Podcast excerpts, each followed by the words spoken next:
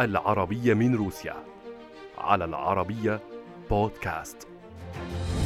في حلقتنا اليوم من موسكو نتساءل عن إذا كانت الحرب خلقت مشهدا ثقافيا واجتماعيا جديدا في روسيا بسبب العقوبات طبعا.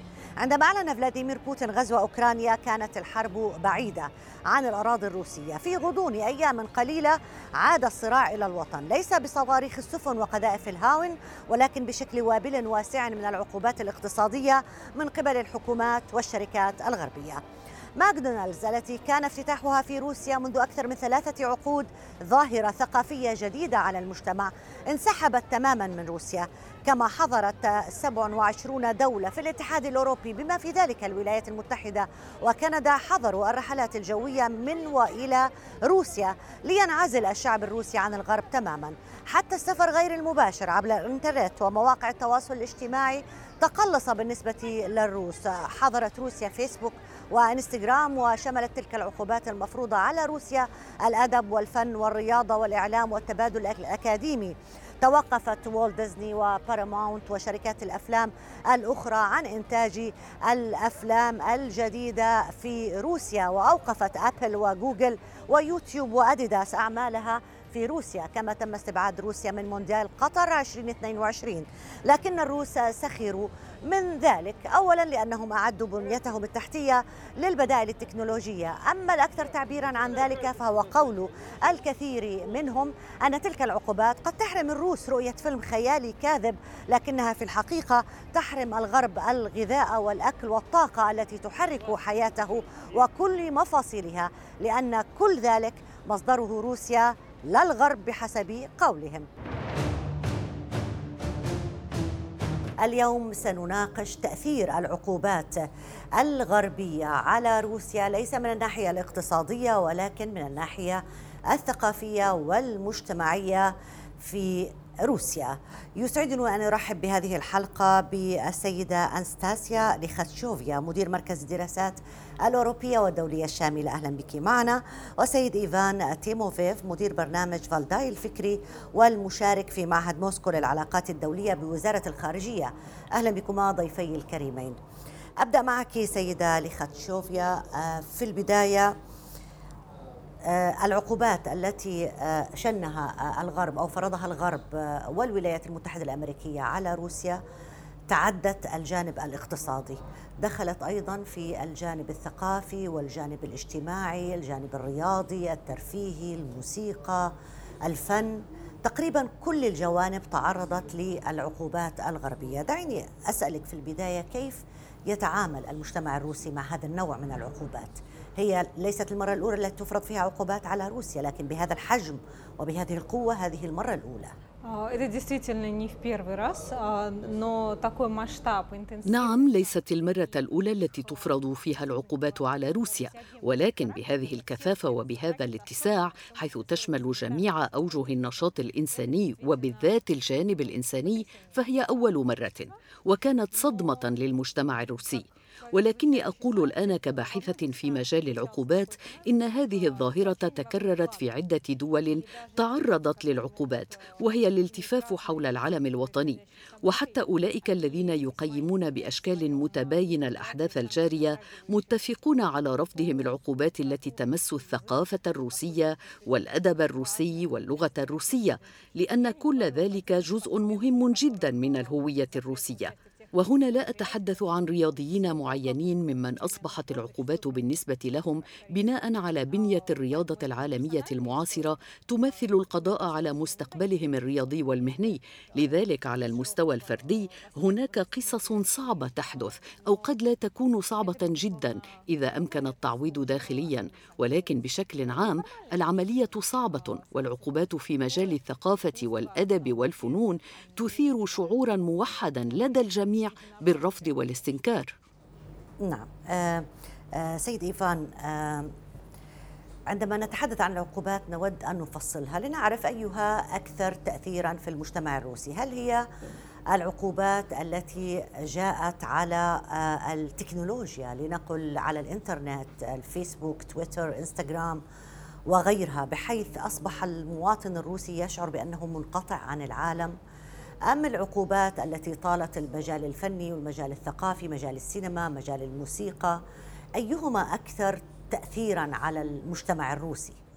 Я думаю, да, я думаю, что, конечно, для общества эти санкции были потрясением. أعتقد أن العقوبات كانت صدمة للمجتمع في بدايتها، ولكن سريعا أصبح من الواضح أنه لن يكون لها أي تأثير كارثي. نعم، تخرج شركات غربية من السوق الروسي، ولكن يحل محلها بسرعة شركات روسية أو شركات من دول أخرى. أغلق فيسبوك ولكن هناك وسائل أخرى مثل إف كونتاكت وتليجرام وغيرهما. يكون البعض فقد عمله ولكن سوق العمل ما زال مرنا وكبيرا ليعوض تأثير هذا العامل الاجتماعي. نعم لقد فقدنا القدرة للوصول إلى بعض التقنيات ولكن حتى الآن لا يملك هذا الجانب أهمية كبيرة. لذلك لا يمكنني القول اليوم إن لهذه العقوبات دورا كارثيا في المجتمع. استمرت الصدمة في البداية بضعة أيام ولكن حدث تأقلم بعد ذلك. كأنه نوع من التعود على عدم وجود ال social media كما نعرفها الآن. آه، آه، آه، العقوبات أيضا شملت قطاعات كثيرة مختلفة. سنحاول أن نفصلها في هذه الحلقة. دعيني أسألك عن أسألك عن ماكدونالدز. ماكدونالدز أخذ كثير من الضجة عندما قرر إغلاق فروعه والخروج من روسيا.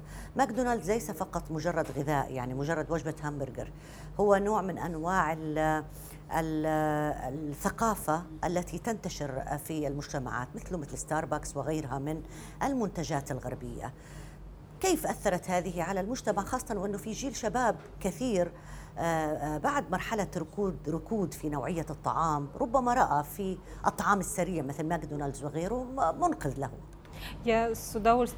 بكل سرور أجيب فيما يتعلق بماكدونالدز فهذه ظاهرة مميزة ولكن سأعود قليلا لموضوع الحياة بلا وسائل التواصل الاجتماعي.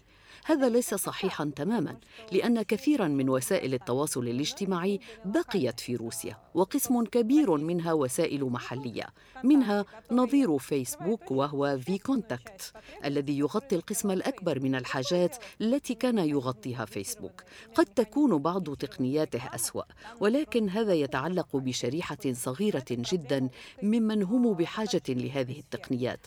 وإذا كان لبعض المواطنين من المهم جدا استخدام إنستغرام وفيسبوك فيمكنهم استخدامها كما في دول كثيرة بفضل الشبكة الافتراضية في بي ان لكن ليس بمستوى الفيسبوك وتويتر أو وسائل التواصل الاجتماعي المعروفة. يعني ألا يشعر المواطن الروسي بأنه مقطوع عن العالم عندما لا يستطيع الدخول لهذه المواقع؟ يعني بيصير هو مجبر على استخدام مواقع روسية فقط. لا بل يستطيع دخول هذه المواقع إذا كان الأمر مهما جدا له. ولكن نسبة المواطنين الروس الذين يحتاجون إلى فيسبوك ليست كبيرة كما في الدول الأخرى وبالذات لوجود النظير الروسي من قبل. في أمريكا مثلا يوجد فيسبوك دون بديل أما في روسيا فيوجد فيسبوك لنسميه الروسي كما في الصين. توجد وسائل التواصل الصينية. أما عن تويتر فلم يكن منتشرا في روسيا منذ البداية. توقفه عن العمل لم يكن خبرا جديرا بالنسبة لروسيا. أنا لا أوافقك الرأي أن وسائل التواصل الاجتماعية الروسية لم تعوض فيسبوك. بالنسبة لشريحة الشباب وطلاب المدارس كانت شبكة في كونتاكت منذ البداية أكثر انتشارا من فيسبوك الذي انتشر بشكل خاص عند متوسطي العمر وطبقة مثقفي المدينة أي أنه من ناحية العدد يشكل شريحة ضيقة من المواطنين. أما إذا تحدثنا عن طلاب الجامعات والمدارس ففي كونتاكت أكثر انتشارا بكثير أنا أنا معك لكن وسائل التواصل التي نعرفها الغربية هي وسائل تواصل عالمية آه، من كل دول العالم آه، يمكن فيها التعبير عن الرأي هل هذا يشبه على وسائل التواصل الروسية؟ هل يمكن للجميع الدخول؟ نوع اللغة؟ تعرفين أن اللغة الإنجليزية منتشرة بكثير أكثر من اللغة الروسية والفرنسية كذلك منتشرة أيضا إلى أي مدى هذه عوضت انسجام واندماج المجتمع الروسي مع المجتمعات الخارجية؟ ببساطة كبيرة للقسم الأكبر من الشباب والطلاب حاجة التواصل باللغة الإنجليزية مع الدول الغربية قليلة جدا إذ أن وسطهم يقتصر على روسيا أو يمتد إلى دول ما بعد الاتحاد السوفيتي حيث اللغة المنتشرة هي الروسية لكن هل وجهة نظر الروسية تصل إلى العالم من خلال وسائل التواصل الروسية لأنه آه، تم حظر آه، وسائل الإعلام الروسية من أنه يتم التعاطي معها تم حظر آه، التعبير عن الرأي الروسي في وسائل الإعلام الغربية. كيف يصل الرأي العام الروسي للعالم في ظل هذا الحظر الغربي على وسائل التواصل التي كانت هي أسهل وسيلة للوصول إلى آه، أسهل وسيلة لوصول الأخبار حتى لو كانت فيها جزء من الشائعات أو جزء من عدم المصداقية. Доходят они плохо и медленно, وجهة النظر الروسية تصل للخارج بشكل سيء وبطيء ولكني لا أعتبر أن حظر فيسبوك أو تويتر يؤثر كثيرا في هذا الإطار بل تصل بشكل سيء لسببين. أولا أغلقت البنية التحتية الروسية الإعلامية في الغرب أو أصبحت مقيدة وضيقة جدا. وثانيا تغيب بعمق الرغبة في سماع وجهة النظر الروسية والقيود عليها أمر مفهوم من وجهة نظر الغرب. أما كيف يصل الرأي الروسي إلى الدول الأجنبية غير الغرب؟ الغربية وهي الأغلبية اليوم فهذه مسألة مهمة جدا ويجب إنجاز عمل كبير في هذا الإطار. إذا تحدثنا عن ذلك بتشاؤم فالعمل المنجز ضعيف جدا وإذا تحدثنا بتفاؤل فلدينا إمكانيات كبيرة في هذا المجال ويمكن القيام به بطرق مختلفة فمثلا من خلال القنوات التلفزيونية الكبيرة ومن خلال الدبلوماسية الدولية ومن خلال الحوار من مجموعات متعددة ومن خلال الثقافة وهذه الإمكانيات مع الأغلبية في العالم كثيرة. محاولة نشر الفن الروسي على المستوى العالمي يعني إيقاف فرقة الباليه البولشوي. بالمناسبة حضرنا آه، آه، كفريق حفلة آه، استعراض عرض فرقة البولشوي للباليه وكان صحيح أنه كل القاعة كانت مليئة حتى حتى النهاية يعني المسرح كان مليء حتى النهاية. لكن يعني لم نلحظ بأن هناك الكثير من الوجوه من من من الدول الغربية أو في تنوع في الحضور. هل هذا يعني أنه سيصبح الفن روسي وفقط مع الدول المحيطه بروسيا من تستطيع الوصول الى روسيا سيحصر الفن الروسي فقط في هذه الدول Ну, я вообще считаю, что искусство не имеет границ. أنا أعتقد أنه ما من حدود للفن فهو بطبعه بلا حدود والفن الروسي جزء من الفن العالمي لكن توجد في الغرب اليوم ولأسباب سياسية قيود على عمل المسرح الروسي أو عروض الفنانين الروس كما توجد مقاطعة غير رسمية حتى على أعمال العلماء الروس وكذلك الكتاب وغيرهم. لا يمكنني القول إن الجميع يقاطعهم ولكنها ظاهرة موجودة في بعض الدول. ورغم ذلك هذا لا يعيق ثقافتنا أن تكون جزءا من الثقافة العالمية علينا أن نتابع العمل وأن نطور ثقافتنا وأن نتابع نشرها سواء هنا داخل البلد وأنت على حق بأن الكثيرين من مواطنينا يرتادون المسارح وبشكل عام يعيشون حياة ثقافية حافلة. وطبعا نحن اليوم من جديد نكتشف الشرق العالم العربي والصين والهند. عندما ظهرت هذه القيود توجه الكثير من علمائنا وأدبائنا نحو الشرق. وأصبح اهتمامهم به أكبر وهذا التوجه سيزداد انتشارا. أسألك سيدة أنستاسيا إلى يعني هل المجتمع في قراءة في واقع المجتمع الروسي هل يحمل مسؤولية هذا الانقطاع عن العالم مع أنه في حالة رفض لفكرة أنها منقطع في انقطاع عن العالم لسياسات العدائية الغربية تجاه روسيا كما ينظر إليها أم للسياسات الخارجية للرئيس بوتين؟ من يتحمل المسؤولية؟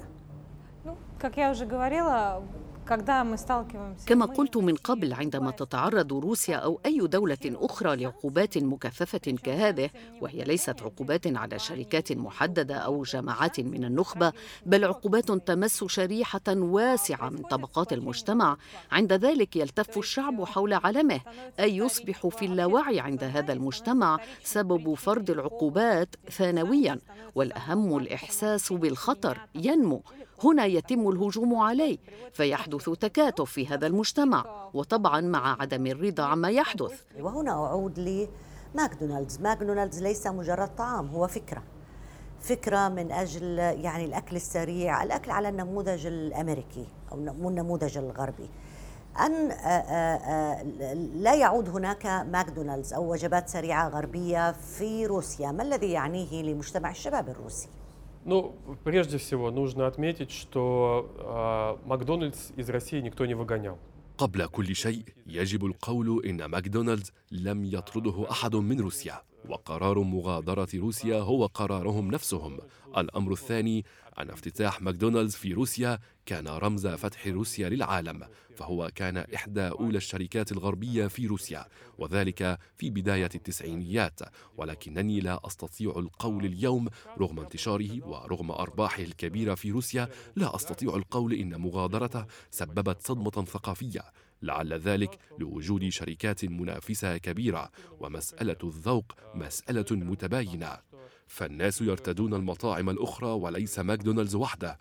إلى ذلك شغلت مكانه الشركات الروسية بمنتجات شبيهة وهناك أيضا موضوع مهم وهو أن الشباب قد بدأ يهتم بمفهوم الغذاء الصحي وماكدونالدز لم يقترن بمفهوم الغذاء الصحي أو الطعام النافع. لعل الصيحه في التوجه إلى الغذاء الصحي. خففت من صدمة غيابه. أنا لا أعتقد أنه يجب المبالغة بالمعنى الثقافي لمغادرته. أي سيد إيفان اذا هل يمكننا أن نقول بأنه ما يحصل الآن تجاه روسيا من الغرب؟ سيجعل هناك سياسة روسية جديدة في طريقة التعاطي سواء مع الداخل أو مع مع الخارج. في البنية التكنولوجية اولا في إنشاء مواقع تواصل اجتماعي تنافس المواقع الغربية في البنية الثقافية داخل المجتمع الروسي بحيث يصل مستوى الفن الروسي لجهات أخرى غير غربية، هل يعني هذا أننا سنبدأ مرحلة جدية آه، وجديدة في في روسيا للتعاطي مع مثل هذه الأزمات لأنه قد تنتهي هذه الأزمة وتعود أزمة أخرى لتتكرر فكرة العقوبات على روسيا بهذا الشكل. новые санкции будут. Это никаких сомнений не вызывает. ستفرض عقوبات جديدة لا شك في ذلك نحن نعيش في عالم واقعي وندرك أن العلاقات بين روسيا والغرب لن تعود إلى ما كانت عليه في الثلاثين عاما الماضية نحن ننتظر قيودا في قطاع التأشيرات الأوروبية ونتوقع أن يحد من سفر الروس إلى الدول الأوروبية ولكن كل أزمة تعطي فرصا جديدة. واليوم لدينا حوافز كثيرة لرفع مستوى علاقتنا مع الشرق في منطقة المحيط الهادئ الأسيوية وفي الشرق الأوسط. هناك حوافز جمة. لقد تكلمت مع الكثير من العلماء ورجال الأدب والثقافة ووجدت أن لدى الجميع اهتماما كبيرا بالعمل مع الشرق. لقد تحدثتم عن اليافطات والملاحة أو دلائل الإرشاد في موسكو. أنا أعلم أن عملا كبيرا ينفذ الآن ليس في إطار اليافطات باللغة الإنجليزية وحسب بل بكل وسائل الإرشاد بمختلف اللغات كالعربية والصينية. وأنا على ثقة من أن هذا العمل سيتم بشكل مكثف أكثر الآن. هل يمكننا أن نقول بأن المجتمع الروسي يلتف الآن حول قيادته لأسباب وطنية متعلقة؟ يعني لم يعد يهم كثيرا التواصل مع المجتمع الغربي كان هناك تطلع من جيل ما نحو الحياة الغربية وال life style في الدول الغربية. هل هذا انتهى مع هذه العقوبات؟ يعني أنا أريد أن أدخل في عقل الـ الـ الـ الشاب الروسي أو الشخص الروسي. كيف ينظر لمسألة هذه العقوبات؟ في أي زاوية يضعها؟ يمكن القول إن مجتمعنا كان على عكس ما توقعوا منه. تكاتف أكثر بعد العملية العسكرية.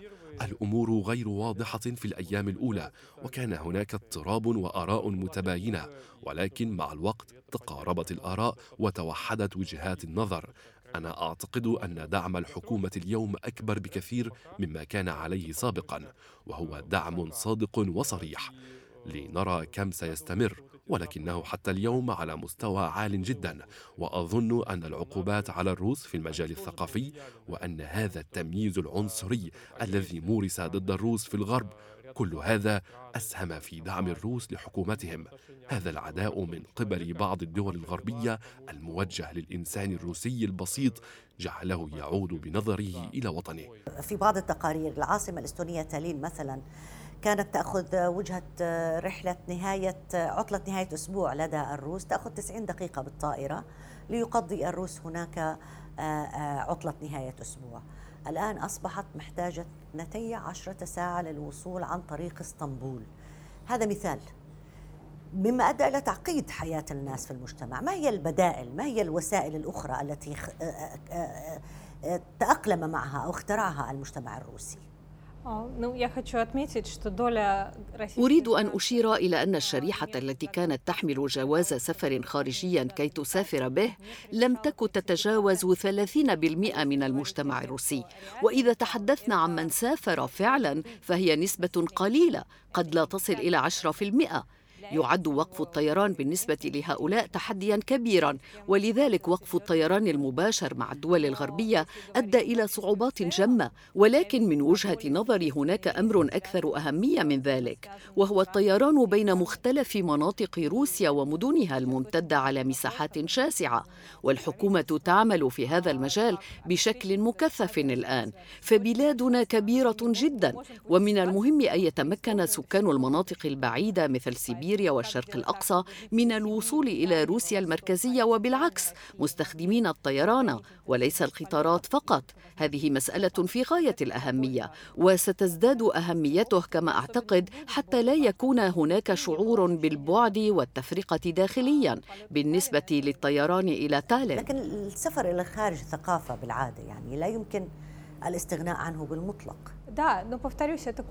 نعم هي ثقافة وكانت تمس في أفضل الأحوال 20% أي من يملكون جواز السفر الخارجي وكان أغلب هؤلاء يسافر للاستجمام إلى تركيا ومصر لم أقصد ثقافة المجتمع قصدت أنه تعرف على الآخر الانطلاق نحو عوالم أخرى مختلفة السفر يساعد بها كثيرا قد يكون هذا مبرر في حالة محاولات السفر من أجل رحلات سياحية أو غيرها لكن ماذا عن البزنس يعني البزنس مان الذين تتعطل رحلاتهم وقوف الطيران الرحلات الجوية من وإلى روسيا من كل الدول الغربية تجاه روسيا آه، من كيف أثر هذا على عملهم مما يؤدي الى انه قد لا يحتمل هذه الفكره مر اكثر من ذلك. Ну, смотрите, действительно, العقوبات على الطيران أثرت بشكل كبير على وسط العمل المرتبط بالدول الأوروبية أو بالولايات المتحدة وكندا. والآن على رجال الأعمال هؤلاء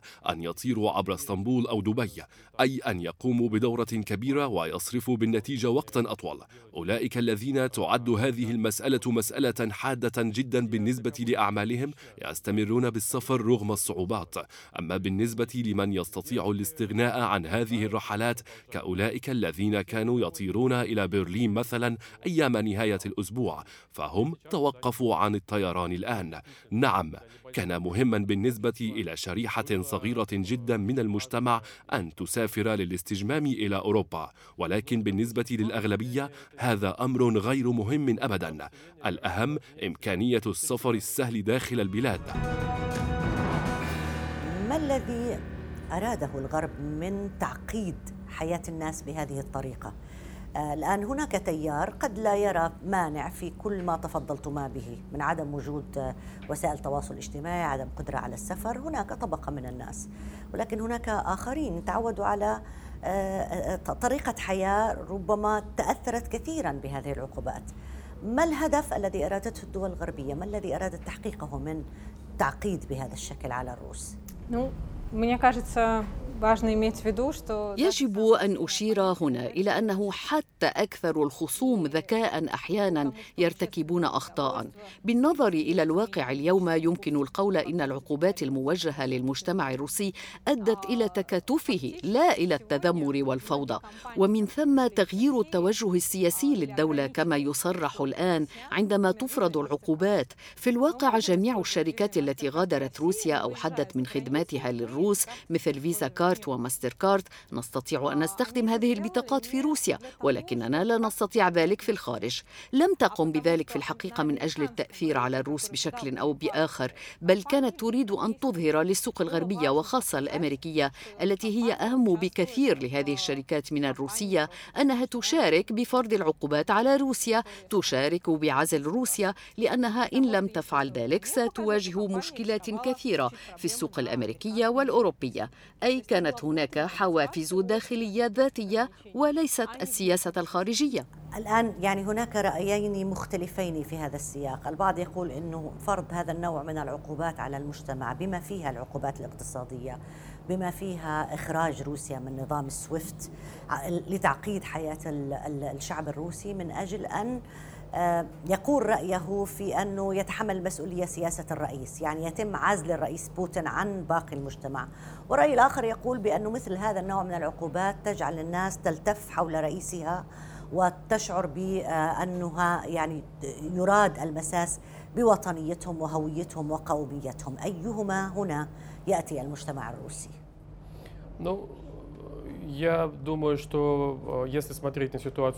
إذا نظرنا إلى الواقع بموضوعية نرى أن الاحتمال الثاني تغلب. أعلم جيدا أن الغرب يظن أن العقوبات والحد من إمكانية سفر الروس إلى أوروبا يجب أن تؤدي إلى عدم الرضا والاحتجاجات الشعبية في روسيا. أي سيخيب أمل الناس ويخرجون في مظاهرات ضد الحكومة الروسية. ولكن ما حدث في الحقيقة هو عكس ذلك تماما. نتيجة العقوبات أصبح الروس أكثر دعما للحكومة وارتفع مستوى تضامنهم معها وفيما بينهم أيضا. لذا نرى هنا رد فعل عكسيا. من سيتأثر بهذه العقوبات أكثر من غيره هو تلك هي تلك الطبقة في روسيا التي كانت ربما آه تميل فكريا نحو الغرب أو يعجبها الغرب كثيرا. إنما الطبقة الأكبر في روسيا يعني المزارع اللي في آخر أقاصي الحدود الروسية لا يهم فيسبوك وتويتر وإنستغرام وغيره ولا يهم نظام سويفت وغيره. هو الذي الذي يعتمد عليه العالم في إنتاج قمحه لا تهمه كل هذه التفاصيل يهم شيء أكبر من ذلك هو لقمة عيشه. آه، وبذلك العقوبات قد تقلب يعني قد يقلب هدفها إلى ضده هنا. يعني الطبقة المفروض أنها تكون مغتربة بأفكارها هي التي ستتأثر أكثر من الطبقة الطبيعية الروسية. إلى أي مدى هذا الكلام دقيق؟ هل تعنينا أن هؤلاء سيصبحون أقل اهتماما بالغرب؟ نعم هناك طبقة محددة ستتأثر بهذه العقوبات أكثر من الطبقة الأخرى التي هي عامة الشعب الروسي أكثر نسبة نسبة 75 أو 80% من الشعب الروسي. إذا تحدثنا من جديد عن التوزيع الاقتصادي وتأثير العقوبات على الطبقات المختلفة نحن نرى أن التضخم المالي حل بمختلف المجتمعات وليس بروسيا فقط. فالتضخم يتطور بسرعات كبيرة في أمريكا وفي أوروبا. فلعل الطبقات الأكثر فقرا ستشعر بهذا التضخم أكثر. ولكن بالنظر إلى بنية الاقتصاد الروسي وطبيعة الدعم الاجتماعي في البلاد فآليات حماية ودعم العائلات الفقيرة والعائلات متعددة الأطفال باتت موجودة وتنفذ. أما بالنسبة لجيل الشباب الصاعد فعملية إيجاد فرص العمل أمر مهم ولكن الأكثر أهمية مشاركتهم في مشروعات كبيرة وتدريبهم على القيام بها وهذه مسألة طويلة الأمد وتحتاج إلى سنين من العمل. يمكن للعقوبات أن تعيق هذا الإطار لأن الشباب الذكي والطموح يريد أن يرى نفسه في العالم الكبير. إذا استطاع هؤلاء الشباب أن يروا أن العالم الكبير لا يقتصر على العالم الغربي بل هناك عالم آسيا وأمريكا اللاتينية وإفريقيا فإن هذه المسألة سهلة الحل أيضاً. سيدة أنستاسيا ليخاتشوفا مدير مركز الدراسات الأوروبية والدولية الشاملة. شكرا جزيلا لك على المشاركة معنا سيد إيفان تيموفيف مدير برنامج فالداي الفكري والمشارك في معهد موسكو للعلاقات الدولية بوزارة الخارجية. شكرا جزيلا لك على المشاركة معنا. وبهذا مشاهدينا الكرام تكون هذه الحلقة من سلسلة حلقاتنا في موسكو قد انتهت. إلى اللقاء.